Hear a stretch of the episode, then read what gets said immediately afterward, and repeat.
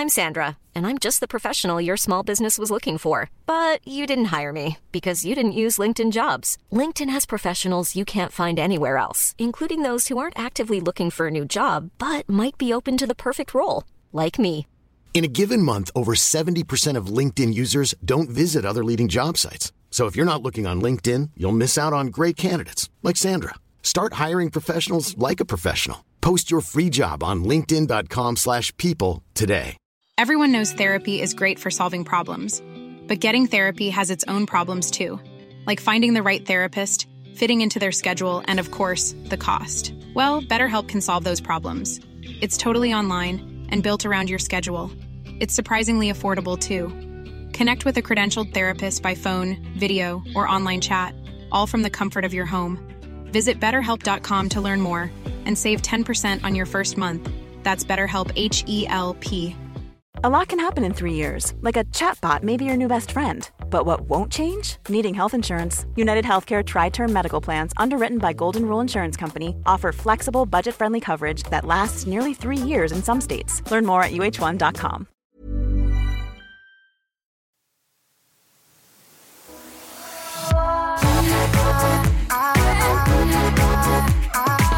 Jag sov 18 timmar i natt. Ja, det, är Som- mer, det är liksom mer än det. Vad är det? Tre fjärdedelar av ett dygn? Jo, det, jag överdriver inte heller. Nej, nej, nej. Alltså jag somnar 16 och vaknar 9. Visst är det 18 timmar? Vem orkar göra den av det. matten? Det får någon annan hålla på med. Och alltså, ja, det är som att jag nästan inte känner mig själv för att jag tycker att jag är så duktig på att känna in och lyssna på kroppen men det är som att jag hamnar ju hela tiden i att jag... Blir helt fuckad. Ja! Du är helt rätt Lisa. Du känner efter hela tiden. Ja. Och sen står du helt plötsligt ändå där. Ja. Helt fuckad. Jag tycker också själv att jag är en person som så här, står ut med grejer, Jo men tar hand okej, om det mig är ju själv. det Alltså, som är ditt problem. Så du har stått ut för länge så att du har kollapsat så många gånger. Ja, men Att din nivå är i botten. Ja. Du klarar ingenting. Du har helt tagit bort stresstålighet, alltså allt det där, det är bara borta. Det finns inte för dig. Alltså jag skäms ju typ, för jag var på akuten igår för att jag har haft problem, eller jag har problem med hjärtat eller vad det nu är. Du har gjort de där olika testerna och de säger ja, det är inte bara medicinen. Exakt, jag har Mm. för högt blodtryck. Så, så har de sagt på vårdcentralen att jag har för stort hjärta. Mm. Det är väl en sanning de har sagt till mig. Så jag får inte äta salt, jag ska träna mer och vad det nu är. Och så har de sagt Du har också... verkligen fått samma diagnos som gubbar får ju när det är Ja, de sagt du är väldigt ung. Sluta äta bacon varje Ja, dag. ja, jag fick samma som morfar fick när jag var 85. Det är det jag har fått är från vårdcentralen. Ja. Och de var ju också lite oroliga när jag var där sist. Så här, det är mycket röda siffror när vi har tagit det här blodtrycket som jag gjorde då i 24 timmar. Har du ont nu i hjärtat? De kollade på Mm. Är mig du på som väg att, här, in i hjärtinfarkten? Ja, som att säga, har du inte ont nu? Jag bara, nej det är ingen fara, okej, och in direkt om du får ont Mm. säger hon. Och det här var ju då typ tre månader sedan, i början på december någon gång, har jag för mig. What do I know about Det är time? så jävla svårt att veta vad som är allvarligt och inte. Därför att det är som att de på vårdcentralen kan inte säga till dig Ja, det är inte så jätteallvarligt, troligtvis kommer du aldrig få problem. För Mm. om du får problem så vågar de inte ha sagt det. Exakt. Alltså- för man hör ju skräckhistorier om, när de har sagt på sjukhuset, de hittade inte det där och Ja. de sa aldrig det där. och Så, så de säger ju hellre Ja, "Åk såklart. in." Ja, och de vill inte vara ansvariga även om det inte hamnar i tidningen så vill de inte att Exakt. en kvinna låg hemma och dog. Mm, verkligen. Och så nu har jag haft ont då i tre dagar. Svidande känsla som känns typ som håll när man Mm. springer. Fast i hjärtat då. Har jag tyckt. Men känt att det här går nog över. Mm. Och sen så en kväll så googlade jag och det ska man ju aldrig. Men det gjorde jag och då var det ju bara åka in och in. Om du har haft ont i mer än 15 minuter stod det. Ska du åka in. Men har det varit ihållande eller har det komma och gått? Alltså jag skulle vilja säga att varje gång jag har tänkt på det har jag känt det. Mm. Vilket också är en indikation på att det kan vara psykiskt. Så jag tycker det är svårt. Alltså, det är svårt. Vad är ångest? Vad är liksom så? Så ringde jag 1177 och sa ska jag höra av mig på måndag till vårdcentralen igen och de kan kolla på det eller ska jag åka in? Men då sa hon ju åk in direkt för att de vågar Mm. Hon vill inte ha på säga sitt något samvete annat. dör. Så då åker jag in till akuten, sitter där någon timme, får komma in, träffa jättetrevliga sköterskor och läkare och då för första gången så röntgar de med någon sån stav. Mm. Jag får liksom klä av mig helt mot en stackars 22-årig liten studenttjej som jag tror också kände igen mig för hon var alltså helt, hon hade så hög puls och kunde knappt prata. Mm, hon behövde själv läggas in. Ja verkligen. Så jag fick dra ner liksom så att mina bazungas var helt i vädret och så var det liksom en 45-årig läkare man som skulle hjälpa henne hon skulle göra. Det var väldigt speciellt. Så att jag får ju då vara mamma till båda och bara säga det här är inget problem och det är lite konstigt att man är... Alltså, det... Kan du sluta prata om en situation? Du är i? Kan du bara vara tyst? du kan inte det. Nej. Det är lite konstigt att man har bröd framme men det går bra, alla mår bra och Jesus älskar oss. Alltså du, du kan inte. Nej, jag fick också klappa henne för hon fick inte ur ett ord. Du har ju också så jävla, alltså, du tycker det är mer pinsamt att det är jobbig stämning där inne och ingen säger något. Ja, det är det det, som värst. driver dig hela tiden, att jag måste jag säga det. Och grejen är, Så vi kan jag tror, ibland tror jag att du säger fast ingen annan har känt det. Mm. För du har ju extra tentakler. Du berättar för dem, nu är det pinsam stämning här inne, de hade inte ens märkt det. Så är det. Då röntgar de i alla fall med någon stav och kletar ju också in mina bröst som också är en väldigt speciell liksom, situation där med oss tre. Eh, och då ska hon, eller han är det, som drar över och då säger han att du är jättefrisk ung tjej, du har inte för stort hjärta liksom. Hur har de kommit fram till det? Och jag sa det, det har bara varit de här siffrorna som de har då liksom, sagt Det är ingen som du, har tittat på hjärtat. Nej det är aldrig någon som har gjort det där. Nej. Så då fick jag ju liksom bara ändra om hela kartan.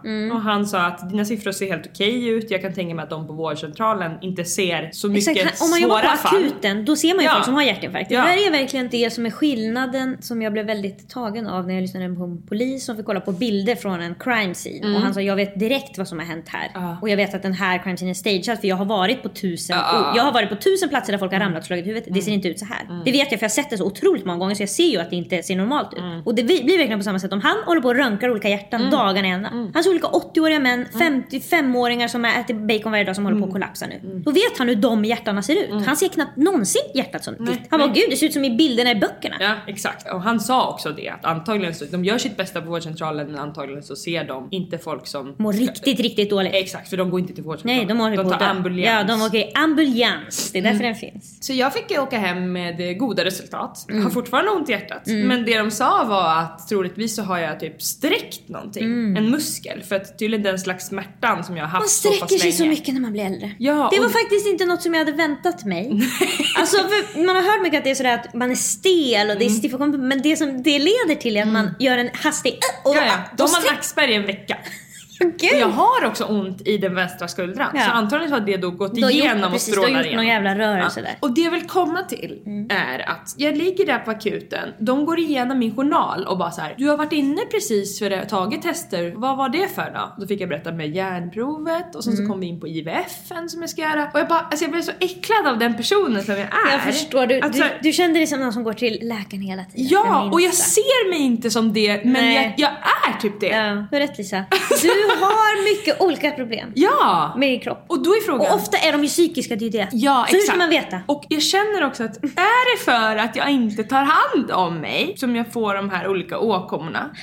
Är det för att Alltså, du går för gör långt? inte det så mycket faktiskt. Du tar inte hand om Nej, men dig. vet- Du stressar ihjäl dig. Ja men jag tycker ju inte det, men jag förstår Nej. ju det. Alltså jag förstår det på papper men Jo, jag men och grejen känner är att jag tror inte heller... Nej, visst, du har inte stressat kanske senaste två åren så mycket som du har gjort Nej men tio antagligen så år innan. är jag ju stressad eftersom jag sover i 18 timmar och har hjärtinfarkt. Och Jag tror också att tidigare stress, Mm. din kropp, alltså den bär ju med sig det. Och det, ibland tycker jag att det kan ta väldigt lång tid innan sådana där stresssymptom. det är när man ja. tycker att men gud, alltså ni skulle ha sett mig för två år sedan, då var det stress. Jo men det är nu det har kommit ikapp dig. Mm. Du har ju sprungit, sprungit, sprungit, det är nu. Alltså alla vet ju att om man springer det snabbaste man kan och sen Mm. stannar, det är då man känner oh jag sprang alldeles för snabbt. Nu kommer jag att kollapsa och dö, det är svart framför mina ögon. Jag känner typ att, alltså, att min kropp, att, den, alltså, att den förfaller, det är något fel. Alltså, du? Jag känner med järnvärdet, att jag får problem med hjärtat, att den här jävla knäoperationen, alltså jag har ont när jag springer. Jag bara, faktiskt, alltså, det är faktiskt mycket med åldern också. jo men alltså, jag är har 34 också, år. Jo men det är efter 30. Så efter 30 skulle jag säga att då måste du börja ta hand om din kropp för att den inte ska, alltså den kollapsar ju inte. Mm. Då ska Alltså, man en träna 60-åring som lyssnar på det här säger ju... grönsaker. Och, Ja, alltså, en 60-åring som lyssnar på det här säger vänta ska ni få se på kollaps. Ja, ja. Men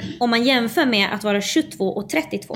Så när du är 22, alltså, du behöver inte vatten, du behöver inte sömn, Mm. du, behöver, du behöver ingenting. Det är som att man är nyförälskad. Och man blev ju så jävla bortskämd och tyckte vadå tvätta ansiktet? Kolla, Mm. oh I'm dewy every day. Jo, vänta du ska du få se på andra bullar. Alltså att vakna och ha ett hår som ser okej ut. Det händer inte när man blir äldre. Man vaknar och ser ut som en fågelskrämma. Verkligen, en- en urmärglad fågelskrämma som bara hänger i Man ser ut som att alltså, någon har gröpt ur ens inre. Jag känner också att de här olika läkemedlen, de typ fuckar med varandra. Du har helt rätt Alltså, du har börjat på starka mediciner. Ja. Alla som börjar på mediciner, alltså alla som är över 60 tar ju någon blodtryckstablett och då måste de ta en annan tablett. Exakt. Det är ett jävla system. Det är Det ju det är där som många också blir helt galna i då att de bara Det var aldrig medicin jag behövde, jag behövde bara sola mitt anus. Ja, ja, så ja det. verkligen. Nej, men jag, jag äter ju i alla fall inte ADHD-mediciner för den känner jag, alltså den fuckade med mig too much alltså. Det var ju verkligen, alltså jag blev en annan person, Mm. Du jag tog kände ju att det alltså hjärtat. centralstimulerande, det är väldigt starkt. Ja, och så, nu ska jag ta järntabletter i ett år. År? Ett år har jag fått utskrivet Emily. Han råkade trycka på fel knapp. Ett års tid! År har jag fått. Hur ska du kunna bajsa? Jag har fått laxerande också som jag ska ta i ett år. Det Ja, kommer ju fucka med mina Ja, tarmar. Exakt, Alltså, då är det fuckat för evigt! det känns som att, och jag vill inte låta nu som en sån här Nej, alltså, foliehatt eller vad nej, alltså. Men vi känns- hatar inte västerländsk medicin. Nej, det är underbart. Alltså, ta Ipren, jag älskar det. Ja, det är så jävla bra att det finns. Det är bara att jag tycker ibland att det kan vara läskigt när man är i vården att de så här, lösningen på ditt problem är att äta den här tabletten i ett år. Och för att Mm. Den, är du inte ska bli hård i magen ska du också ta laxerande i ett år. Och då tänker jag, jag har jätte, alltså jag har så känsliga tarmar. Mm. Ni vet inte vems tarmar ni bråkar med. Nej. Ja, men och det är ju det som är liksom lite som vården får kritik för att de inte har det här holistiska, alltså de kollar inte Ja, på hela skulle det behöva 10% av det i alla fall. Ja, och, och det skulle säkert, om de fick mer tid och kunde prata mer med varann. Ja. Om det inte var ny patient, ny patient som kom in hela tiden. Så skulle man ju hinna då sitta ner och bara, okej, ska vi verkligen kolla igenom Lisa Borg? Som 18-åring söker hon första gången, alltså om de kunde få titta på Det är det hela... där man vill ju. Ja. Jag skulle önska att man kunde boka bara en och en halv timme. Kolla igenom mig. Konsultation, ja, kolla Ja, igenom. Hälso- Hälsokontroll. Många, för många vill ha det. De hinner inte för alla gamlingar är så sjuka. Ja men kanske man för sig kan göra det privat då. Och så får man Jo, jo, det spara kan ihop du. till det, Det kan en du. gång per år. Det kan du. Eller en gång per liv menar jag. Försa mig. Förstår hur ofta jag kommer gå eftersom jag söker vård som en galning.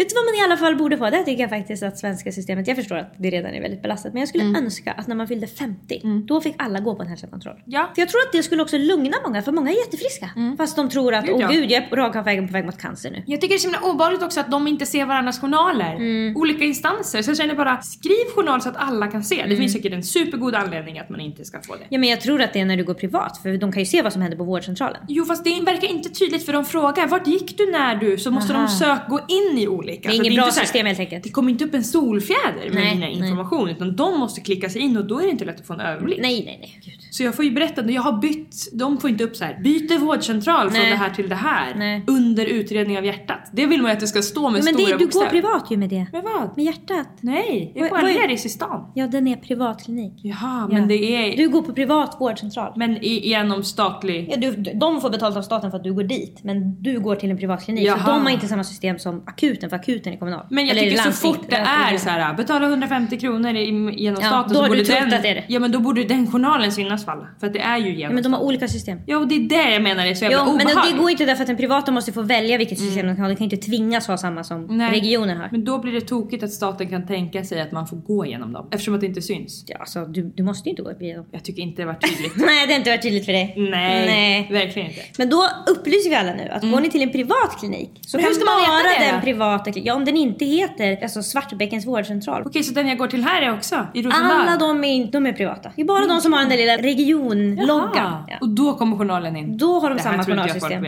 Nej, vi upplyser nu. Ja. Att går ni till en regional Inte konstigt att de ser det. Jag sitter, ligger där och är så stressad. Vad fan? Ja, nej de ser inte för du går till privat. Så den privata har ju liksom en egen. Så säkert om det är Aleris och alla Aleris-kliniker är samma. För de fick ju upp i alla fall mina senaste tester. Men då fick, var jag tvungen att säga vart det var så då kunde de säkert söka på det då. Mm, möjligt. Men möjligt gud, att vissa finns i 1177 och sådär men jag, alltså, nu pratar jag utifrån min erfarenhet på folktandvården att Ja. jag kan inte se om de går till en privatklinik. Då finns Nej. inte det. Men alla folktandvårdare de någonsin har varit på syns på datorn. Ja, för jag upplever när jag säger vart jag har gått. Då kan de leta upp det. Mm. Då kan de se det. Men skitgulligt också när jag kom in på akuten att de frågar finns det någonting som vi inte får titta på eller är det något som är hemligt att du är här och sådär. För att Mhm. Mm. För skydda de är, kvinnor alltså som blir slagna akuten, på akuten 100%. de får se Ja. det ena och det andra. Måndag, lika och olika.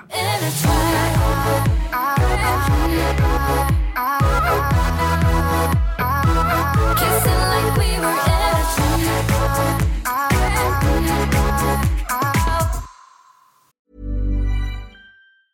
Mom deserves the best, and there's no better place to shop for Mother's Day than Whole Foods Market. They're your destination for unbeatable savings, from premium gifts to show-stopping flowers and irresistible desserts. Start by saving 33% with Prime on all body care and candles. Then get a 15-stem bunch of tulips for just $9.99 each with Prime. Round out Mom's menu with festive rosé, irresistible berry chantilly cake, and more special treats. Come celebrate Mother's Day at Whole Foods Market. Hiring for your small business? If you're not looking for professionals on LinkedIn, you're looking in the wrong place. That's like looking for your car keys in a fish tank.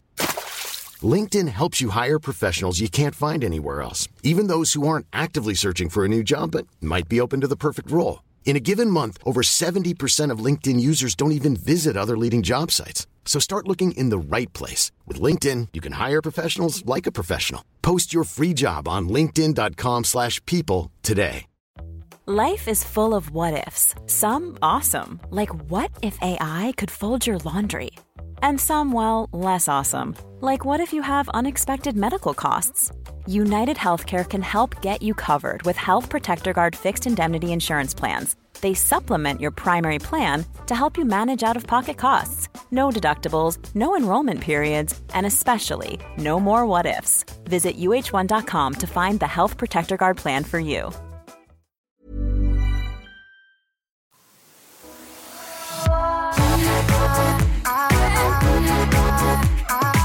Jag ska prata om något som jag uppskattar otroligt mycket i film. I film? Och det heter tysta scener. Okej. Jag är väldigt, väldigt svag för no dialogue. Det är som att jag tycker så mycket om att prata och jag tycker mycket om ord och språk. Men jag tycker, alltså jag gillar nonverbal kommunikation nästan mest av allt. When you say nothing verkligen, verkligen, verkligen. Ronan Keating sjöng till mig när jag var 10 år gammal och jag släppte aldrig det. Ja. För mig blir det att ju mer man pratar om någonting så förstörs det på ett sätt. Jag gillar att det är bara outtalat och alltså det behöver inte intellektualiseras. Ingen behöver tänka kring det. Vi behöver inte... Ofta så räcker ju heller inte orden till. Absolut. En bild säger mer än tusen ord. Har du hört uttrycket? Kommer du få höra det? Ja, men så jag är väldigt svag för scener där man tror att det ska sägas något och inget sägs. Okej. Att det ska liksom vara så att nu kommer de säga jag älskar disen och så säger de inte det. Då blir jag mm, mm, mm. Då ger mig två tummar upp, upp, upp. Så säger jag en gång till, spola tillbaka, kolla en gång till på scenen. David, låt mig vara, jag har egen tid. Jag vill kolla en gång till på den här scenen. Och nu ska jag ta upp tre sådana exempel. Åh! Och du har sett noll av dem skulle jag säga. Och det kommer vara, alltså det här kommer gå från hög kultur till låg kultur. Highbrow till lowbrow skulle jag säga. Och vi börjar i lowbrow. En tonårsfavorit, personlig favorit, The Vampire Diaries. En serie som kom precis när Twilight hade blivit stort och som höll på alldeles för länge. De, de hade tre helt otroliga säsonger och sen hade de fem helt bedrövliga säsonger som jag inte ens har orkat kolla klart på. Ja, därför att det funkade bara inte. Alltså det är för svårt också. De ska göra typ så här 24 avsnitt som är en timme långa. 40 minuter är det men en timme med reklam. Jag var väldigt svag i Vampire Diaries för ni som har kollat. Catherine, den onda tvillingen då till huvudkaraktären. Det finns en som är mjäkig, snäll, aldrig gör något fel och sen så finns det Catherine som bara gör massa fel och bara skojar runt och har hur kul som helst. Topp, topp, topp favorit för mig. Gillar du ofta de onda? Alltså jag gillar ofta de onda men jag vill inte alltid att de onda ska vinna. Nej. Men de är ju absolut... de onda. Och jag skulle säga att Vampire Diaries, det som jag tyckte de fick bra till i början är Catherine som skurk och sen hade de en annan skurk som heter Klaus. Mhm. Och båda de två skurkarna var top tier. Mm. Jättebra, alltså det, det blev hur bra som helst med dem. Och sen när de skulle ta in andra skurkar så blev det inte lika bra. Och alltså så är det, de borde ha slutat efter fyra säsonger, they didn't. För att någon ville tjäna mer pengar. Mm. Och så det här är verkligen tonårsdrama. Så det är kärlekstriangel och det är olika liksom, musiken är ju helt otrolig. Alltså det är ju alltid bara olika popdängor. Melodrama är det verkligen. Och den scenen jag ska prata om utspelar sig under verkligen ett sånt. Det är en låt, jag kan spela upp några sekunder Lisa, så kommer du, jag tror du kommer känna igen den här låten. Jag känner igen. That you and me might end up together. Ja. Mer, mer, mer. Mer, mer. It's like wishing for rain as I stand in the desert. But I'm holding you closer than most. Cause you are my heaven. Otrolig! Ja. Fy fan! Så du förstår själv Lisa, det är den här Ja, låten som spelas. okej. Vi är på första avsnittet i säsong 3. Mm. Slutet av säsong 2 ska jag berätta för dig nu Lisa, vad som händer i den här serien. Mm. Så du fattar hur sjuk den är. Klaus, som jag har berättat om, han är världens äldsta vampyr. Ja. Mm. Okej, Han har funnits i över tusen år. Och han är ute efter våran huvudkaraktär Elena. Mm. En oskyldig 18-åring eller vad hon är. Från en liten stad som två tyvärr 150 år gamla bröder blivit kära i. Som alltid är det sjuka åldersspann på de här. Mm. Och alltså kan du tänka dig det är så att vara 150 år och bli kär i en 17-åring? Nej. Nej, svaret på frågan. Nej, det kan jag faktiskt inte tänka mig att det skulle hända. Men i alla fall, så de har fått reda på något vis då att den här Klaus är ute efter henne för att hon är något särskilt väsen som alltid. Och hon är från början tillsammans med den snälla brorsan som heter Stefan. De är ihop och sen kommer den lite ondare brorsan Damon in och blir allas stor favorit. Han är mycket mera, han är mer svärta, han är mer liksom lite, han är bad boy. Mm. Och hon börjar dras mer och mer mot honom. Han blir väldigt kär i henne och det börjar bli att hon liksom, hon väljer alltid Stefan men det är som att ah, hon vill ändå prata ibland med Damon om ditten och datten. Vi har fått veta tidigare i serien att om en vampyr blir biten av en varulv så dör de. Det är liksom det, enda, det enda förutom solen som kan döda dem då. Och såklart om de får en sån där påle i hjärtat. Mm, det känner vi till. Och nu har brorsan Damon blivit biten av en varulv. Och vi har också fått veta tidigare att det enda botemedlet om man blir biten av en varulv, det är Klaus blod. Eftersom att han är den där specialvampyren då. Dricker man hans blod, då klarar man sig. Han är den äldsta. Han är den äldsta. Han är specialis totalis. Ja. Och nu har Damon då, brorsan, blivit biten. Och Stefan, den snälla brorsan, beger sig till Klaus för att be honom om blod så att han kan rädda sin bror. Det är väldigt viktigt för honom. Han bryr sig jättemycket om sin bror. och De, har liksom en, de bråkar men de, är, de har känt varandra i 150 år och de älskar varandra. Så han är där och då säger Klaus till honom, så det som jag ska berätta lite tidigare, att Stefan är så kallad ripper. Om han dricker blod så är han som, han är som alkoholist med blod. Han kan inte bara dricka lite, då dricker han helt sjukt mycket och så blir han som en annan person som bara åker runt och mördar folk. Okej? Det vet vi sedan tidigare. Men nu Lisa, nu liksom nykter alkoholist. Så han dricker bara djurblod då. Såklart. Så Elina ska kunna vara tillsammans med honom utan att han är mördare. Så han mördar bara olika kaniner och rådjur. Och när han kommer till Klaus så säger han du måste rädda min bror, kan jag få lite av ditt blod? Och Klaus säger eh, nej jag tycker inte om att vara snäll. Men jag har hört om dig och jag har hört att du ska vara jävligt kul när du dricker blod. Då är du en sån person som jag skulle kunna tänka mig umgås med. Som är lite off the rails. Så om du dricker allt det här blodet då så får han typ två blodpåsar eller vad det är. Så han vet att om jag dricker så mycket blod kommer jag aldrig liksom kunna hämta mig igen. Vilket per definition innebär jag kan då inte vara med Elena för då kommer jag döda henne. Ja, det, Troligtvis. vill du offra dig eller honom? Exakt, så han måste välja. Vill du offra den här stora kärleken då som hela serien handlar om att de är så otroligt kära? Eller vill du att din bror ska dö? Så han väljer såklart att dricka blodet så att Damon får den där lilla bloddroppen från Klaus och slipper dö. Det är slutet av säsong två. Nu är vi på första avsnittet i säsong tre och scenen som jag tycker om. Okej? Och det som har hänt nu är att liksom, det har gått tid mellan de olika säsongerna och Steffen är med Klaus någonstans. Och det är som att både Damon och Elina har väldigt dåligt samvete och försöker rädda honom från sig själv. Då. De vill liksom gå och hämta hem honom och säga vi ska hjälpa dig så du blir nykter igen. Men det går inte så jättebra. Eftersom att Klaus finns där och han är världens starkaste vampyr. Och det händer massa under avsnittet som gör att i slutet när den här låten börjar spelas så är många i liksom jobbiga situationer. Damon mår dåligt eftersom att han har blivit kär i sin brorsas flickvän.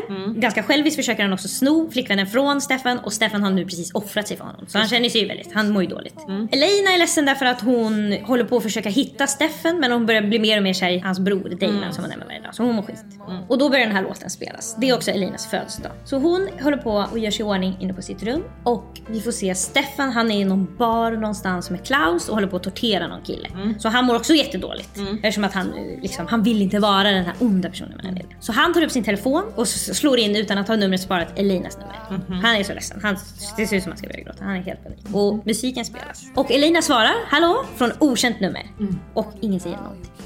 Det är bara tyst i luren. Han står bara tyst och vill bara egentligen säga till henne kan du komma hit och hjälpa mig? Men han vågar inte säga det för att hon får inte utsätta sig för fara då vad det är. Och hon vet inte vem det är som ringer. Hon inser, hon säger typ så här är det du Stefan? Det är typ de enda orden som sägs. Och jag sitter som ett ljus hemma i min som bara känner yes! Inga ord ska sägas i detta samtal. För det är det här som tonårstjejer sällan gör. De låter inte mig fylla i. Utan de säger när jag ringde dig var det på grund av det här och det här. Men snälla! Det ville jag komma på. Det var min grej. Jag ville tänka på varför ringer Stefan och att jag är ju också väldigt svag för att det är bara hon som kan göra honom lugn. Eller liksom henne han behöver då. Kärleken. Jag vill ju vara Elina då som sitter hemma och håller på och broderar eller något och så ringer killen som man är kär. Och är tyst. Och är tyst ja. Inte ett ljud ska sägas. Ja. Från killen man är Men kär i. båda vet ju. Det är det. Exakt! Båda vet vad som pågår. Det andas i olika lurar. Punkt slut. Scen nummer ett. Scen nummer två. Då kommer vi till min favoritfilm av Martin Scorsese, en väldigt känd regissör. Han har gjort filmer som killar älskar. Taxi Driver, Tjuren från Bronx, Goodfellas. Den är det många killar som gillar. Maffiabröder. Åh vad de är. De missar ju, precis som de älskar Wolf of Wall Street, så får de bara en känsla för de där första 20 minuterna. När de mår jättebra grabbarna. Det är kokain överallt. Det är bara det de kommer ihåg. De kommer inte ihåg sen när de ligger på botten. Det är, åh, ingen bryr sig. Nej. Han vann Oscar för bästa film för The Departed och jag tror till och med att Scorsese vann Best Director, att han fick bästa regissör. Och jag vet att många så här filmkillar tycker att det är så konstigt att han vann för den som inte är hans bästa film. Han borde ha vunnit för Goodfellas eller Wolf of Wall Street då. Håller inte med om det. Jag älskar The Departed. Jag kan kolla på den om och om och om och om och om igen. Den är så fucking bra. För det första älskar jag Leonardo DiCaprio. Han är huvudrollen i den här filmen. En av hans verkligen bättre roller. Det här är exakt den typen av roll jag gillar han spelar. Han är lite sådär äh, Charlottes killtyp. Ruffig, men försöker ändå. Du vet, han har inga... Kommer undan lite eller? Ja, men han har, alltså i hans rum står det bara en säng. Ja. Och han bara sitter på olika, han vet inte vad han ska vara, han är helt vilsen. Ja. Plotten för den här filmen är att det är liksom, vilket är en jävligt bra plott. Det är två infiltratörer i varsitt ställe. Leonardo DiCaprio är en polis som låtsas vara i maffian och sen är det Matt Damon är maffiasnubbe som låtsas vara i polisen. Eller han är polisen men han, ja. Så de försöker hitta varandra i den här, hela den här filmen. Och i den scenen som jag ska prata om, då är det också ett tyst telefonsamtal. Därför att Leonardo DiCaprios, liksom, eh, den som tog hand om honom, den som var hans, han som han jobbade med inom polisen, har blivit mördad. Kastats ner för ett tak av maffian. Så han är väldigt orolig. Han håller på att packa upp sina grejer, han måste fly känner han. För att den enda som vet att han är polis Just och inte är i maffian är den här snubben och nu är han död. Oh, det är då de måste ta fram det där brevet som de har i I Johan Falk. Falk. Ja. Johan Falk är, ju, är inte han också... Frank Wagner är också i den här situationen va? Ja, ja, ja. Att han bara, Ja. det är ingen som vet att Nej. jag är, De tror bara att Då är jag det är bara ta högt, fram brevet! högt uppsatt. Jo men och i hans brev är det ju bara en smiley, det står inte hans namn. Du inte ihåg? Så jävla panik. Japp. Och den situationen är nu. Och han har varit helt, han är stressad hela filmen. Mm. Men han, har, han säger också att när jag blir stressad så syns det inte på mig. Mm. Så han har ju liksom kolibripuls men ser helt lugn ut. Och Matt Damon jobbar för polisen. Så han har fått in liksom allt bevis från när den här gubben har dött. Mm. Däribland hans telefon. Så han öppnar den och ringer senast ringde numret. Mm. Och Leonardo DiCaprios telefon börjar brrr, brrr. Och han Oh ser att det God. står liksom den döda polisens namn. Ja. Så det är ganska länge som han bara tittar på telefonen. Han Ja. svarar inte. Chockad. Matt Damon ligger på, de sitter liksom tysta och kollar på telefonen. Det blir så jävla tight mellan dem. Alltså, de får aldrig prata med varandra. De är liksom varandras största, största fiender. De vet inget om varandra. Han ringer igen och Leonardo DiCaprio svarar till slut. Men de är båda bara tysta. Och sen lägger på. För att ingen vågar säga någonting. Nej, det är närvaro Alltså det, liksom som är, är det helt... är så spännande när man tittar på det. Alltså Jag sitter ju bara och tänker, vad ska de säga, vad ska de säga? Och sen när de säger inget så känner jag, perfekt. De ska inte säga något. Ingen vågar säga det första ordet. Det är scen nummer två. Scen nummer tre som jag kommer att prata om. Det här är min absoluta favorit. Den här är bättre än alla de andra. Och det här kommer från min, alltså det här är nog nästan min favoritfilm. Alltså jag vet inte hur många gånger jag har sett den filmen. Och jag har nästan aldrig satt på den här filmen utan att kolla hela och tänkt, åh hur kan det vara 10 minuter så är den två timmar. Ah, Det går så fucking fort. okej. Varje gång jag är ledsen och David inte vet vad han ska göra så jag ska sätta på den där filmen. Han kommer aldrig ihåg vad den heter men han vet ju vilken film det är. Som när Henrik sitter på cab mitt i mig. Exakt. Det kan ju verkligen, många är ju sådär, jag vet att, att det kan vara såhär, ska jag ringa din syster? Alltså de vet vem som gör att man blir glad. Mm, verkligen. Och för mig är det då den här filmen som heter Stolthet och fördom. Som många säkert Mm. Det hört är alldeles för svårt för David att komma ihåg. Alltså jag hade aldrig kommit ihåg det själv. Nej, nej, nej. Det är för nej alltså han ord. kan ju också säga, Stolthet ska jag och sätta på den där ja. känsla och människa? Alltså, Ja, han exakt, vad det exakt. Två ord som är liksom... Nu säger de bara, ska jag sätta på filmen med han från Succession? För det är en av skådespelarna. Mm. Så det, det har ju satt sig för honom då. Att, För att det är också så otroligt olika liksom, roller. Han kan inte fatta att det är samma kille. Det är en bok skriven av Jane Austen någon gång på 1800-talet. Hon skrev ju mycket böcker som blev väldigt populära. Och de handlar nästan alltid om hur systemet såg ut på 1800-talet med att man var tvungen att gifta sig för att få några pengar. Om, särskilt om man var kvinna då, för hon var kvinna. Och det här är hennes mest populära, Stolthet och fördom. Och den liksom, det här typen av kärlekshistoria har tolkats så många gånger. Det är som Bridget Jones dagbok är baserad på det. Det är många som är baserade på liksom att först så träffas man och så bara tycker man jätteilla om varandra och så var det bara olika missförstånd och så var det vi hela tiden. va? Vi var kära i varandra hela tiden. Det finns många bra scener i den här filmen. Eftersom att jag har kollat på den tusen gånger så kan jag ju alla scenerna utan till och jag känner bara att alltså, jag kan ju, fast dialogen är så fucking svår så kan jag ändå hänga med och säga det de ska säga för att jag har sett den så otroligt många gånger. Men min favoritscen kommer i slutet. Huvudkaraktären heter Elizabeth. Hon är näst äldst av sina systrar och hon är inte så intresserad av romantik och hon säger lite vad hon tycker. Hon är lite liksom, hon bryr sig jättemycket om sin familj och hon bryr sig inte så himla mycket om status. Mm. Inte den typiska huvudpersonen. Nej hon är inte sådär fin flicka som hon borde vara i den här tiden. Framförallt hennes syster är så. Jättefin och snäll och säger alltid rätt saker men så är inte Elisabeth. Och hon lär känna en grabb som heter Mr Darcy och han är jätterik och han är också väldigt stuck up. Han är, han är jätte liksom Näsan i vädret. Ja, arrogant bara. Så hon hör honom säga att hon inte är så vacker. Alltså hon ser OK ut. Typ. Det är någon som säger bara åh, Lizzie Bennett. Som hon heter. Hon är så, åh, den är också vacker på den här balen då. Och så säger han bara ja, helt okej men hon pratar för mycket eller något sånt där säger hon. Så hon bara känner att ja, den där mannen ska man ju knivhugga. Sen de råkas liksom hela tiden och pratar med varandra. Och hon liksom är lite spydig mot honom hela tiden. Och liksom kommer med olika gliringar. För det är hon liksom duktig på. Hon är liksom duktig på att prata och pika. Så han blir sakta men säkert kär i henne. Han tycker hon är helt otrolig. Men han är också väldigt liksom som man ska vara. Så han vet att han inte borde gifta sig men hon har inga pengar. Och han har jättemycket pengar. Och hennes familjs status är mycket lägre status än vad hans familj Ja, Så han han- kan inte ta med henne någonstans för hon skämmer ut dem. du är helt rätt, du är helt rätt. Hon babblar för mycket. Hon är inte som hon ska vara och han är väldigt proper. Men sen börjar det regna och de ses under ett tak. Det här är inte egentligen den scenen jag ska prata om men vi kommer dit. Jag ska Ja. berätta hela filmen. jag kan inte hålla mig. Ja, kör. De ses under ett tak och hon har ingen aning om att han är kär i henne. Hon tycker att han bara verkar tycka att hon är helt jobbig hela tiden. Ja, hon kommer ihåg elaka orden han har sagt. Exakt. Ja. Det enda hon har fått som kan vara en signal på att han känner någonting är att han tar hennes hand när hon ska gå upp i en vagn. Så hjälper han henne upp liksom. Och sen så spänner han sin hand på ett särskilt sätt efteråt. Som att han har känt väldigt mycket när han tog i hennes hand. Och det här klippet, alltså om du någon gång söker på stolthet för så kommer det här klippet komma upp. När han gör sådär med handen. Tjejerna blir helt galna och säger ja, if only. Men sen så regnar det otroligt mycket och han berättar för henne att han är helt otroligt kär i henne. Han berättar att fast Under jag taket? Ja, det bara regnar och han säger jag vet att jag inte borde vara kär i dig. Det är så mycket som talar emot oss men jag är helt sjukt kär i dig och jag vill gifta mig med dig. Oh. Och hon har då fått höra att han har varit väldigt taskig mot en annan kille som hon gillar. Han har gjort något med att, så att den killen inte fick pengar. Så hon är redan lite sur på honom och tycker att han är en riktig idiot. Och han pratar väldigt illa om hennes familj när han friar och säger jag vet att jag inte borde vilja vara med dig, din familj har ju så Ah. låg status. Så hon säger att tror du någonsin att jag skulle tacka ja till det här frieriet? Du har precis sagt att jag är helt bedrövlig men du kan ändå tänka dig att gifta dig med mig. Så du är den sista personen jag vill gifta mig med. Jag lever hellre under en sten än med dig. Och då blir han förkrossad. Så då ska de inte vara med varandra längre. Hon har också fått veta att det är han, hennes syster var liksom på väg att bli förlovad med en kille som hon var väldigt kär i. De var kära i varandra. Och sen har Darcy sagt till killen att äh, jag tycker inte du ska gifta dig med den där tjejen. Hon verkar inte så intresserad av dig. Så det är också liksom en grej som hon har fått veta om honom. Att han har dels gjort så att hennes syster har blivit helt förkrossad som inte fick gifta sig med. Och sen så har han varit taskig mot den andra och de här pengarna. Och nu står han och säger att min familj är bedrövlig. Så att hej då, värsta personen på planeten. Och sen så liksom under filmen så får hon höra mer och mer att de här sakerna hon har trott inte stämmer. Han förklarar varför han, han trodde att hennes syster inte var kär i hans kompis och han försökte rädda sin kompis då från att få hjärtekross. Och hon säger min syster visar aldrig sina känslor. Hon är bara en stängd bok men hon är extremt kär i den där killen. Han sa ja förlåt jag visste inte det. Och den andra killen har bara ljugit, det var inte så med pengarna, det var tydligen tvärtom. Och sen så har Lizzie en yngre syster som är liksom lite, ja, hon är väldigt, hon tänker inte innan hon agerar. Och hon är väldigt liksom fåfäng och hon är verkligen sådär stereotypiskt tjejig och lite slampig. I liksom, slampig på 1800-talet så hon har någon ankel framme då när man inte ska det. Och hon har nu flytt med en kille då, vilket man inte får göra. Då är det skandal liksom. De måste gifta sig nu annars är hon körd för evigt och hela familjen är körd för evigt. Så Lizzie bara gråter och gråter och gråter. Och Darcy fixar det här då. Han åker och träffar den här killen, ger honom enormt mycket pengar för att han ska gifta sig med hennes syster då. Och när hon får höra alla de här sakerna så blir hon ju, då känner hon att okej, nu börjar jag känna mig lite mer kär i den här killen. Som jag tidigare sa att jag bor hellre under en sten än ens prata med dig någonsin mer. Så de har blivit kära i varandra på håll då, men han vågar inte tro att hon är kär i honom igen. Nej. Men det har hon i alla fall blivit. Och eh, sista scenen är liksom när de ska få ses efter de har fattat att båda är kära i varandra. Han har varit till hennes pappa och frågat om han får gifta sig med henne. Och hon har varit till sin pappa och pappan har sagt varför skulle vi gifta dig med den här? Du har ju sagt att han är den värsta stroppen. Jobbigaste mannen på planeten. Hon har sagt ja, jag har haft fel, jag är otroligt kär i honom. Och då har sagt ja, då är det klart du ska gifta dig med honom. Jag har inget att säga emot det här. Och så ska hon gå ut och möta honom. Och då kan du förstå varför jag gillar scenen. Därför att det är morgon. De har varit uppe hela natten. För de är så otroligt kära då. De kan inte sova. Nej. Vem kan sova när man har blivit nykär?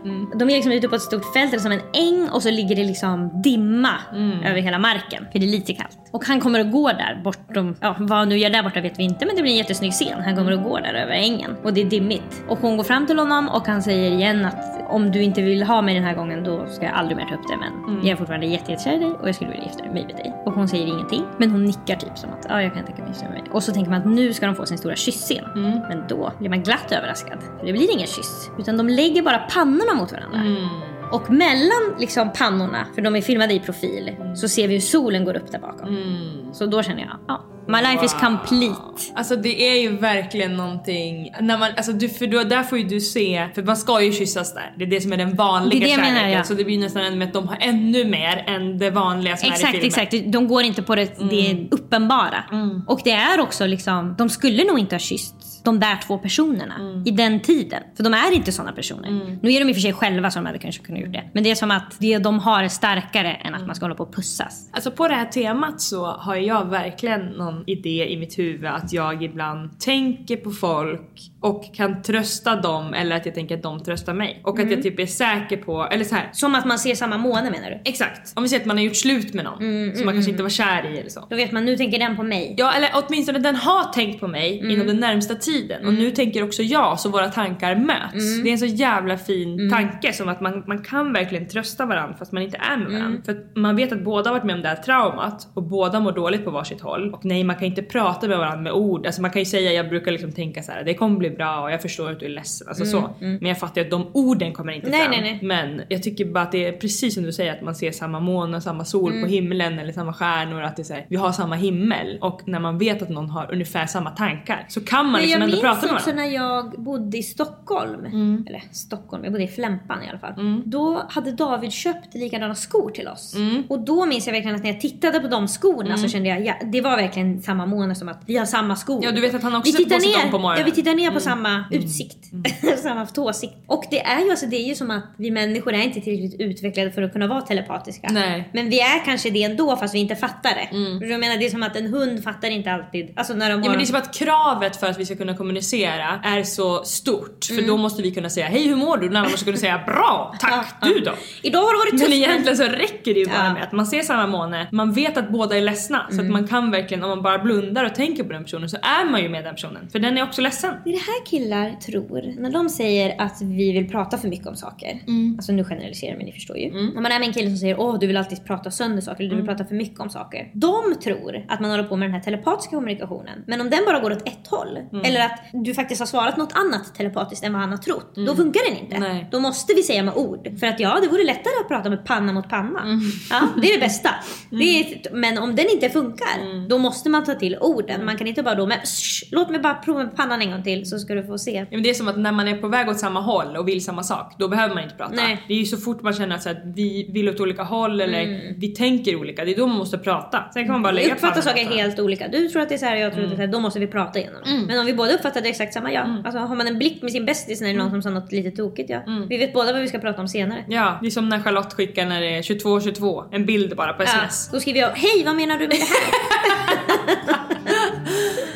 Maila oss på likaolikapodden at gmail.com och ge jättegärna podden fem stjärnor i din poddapp. Ha det så bra! Hejdå! It's amazing how you can speak right to my heart.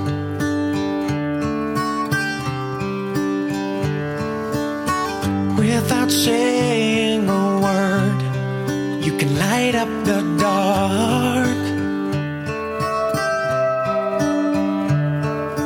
Try as I may, I can never explain what I hear when you don't say a thing.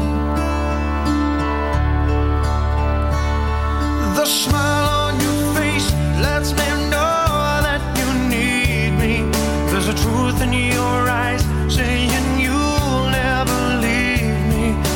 touch of your hand says you'll catch me wherever I fall. You say it best when you say nothing at all.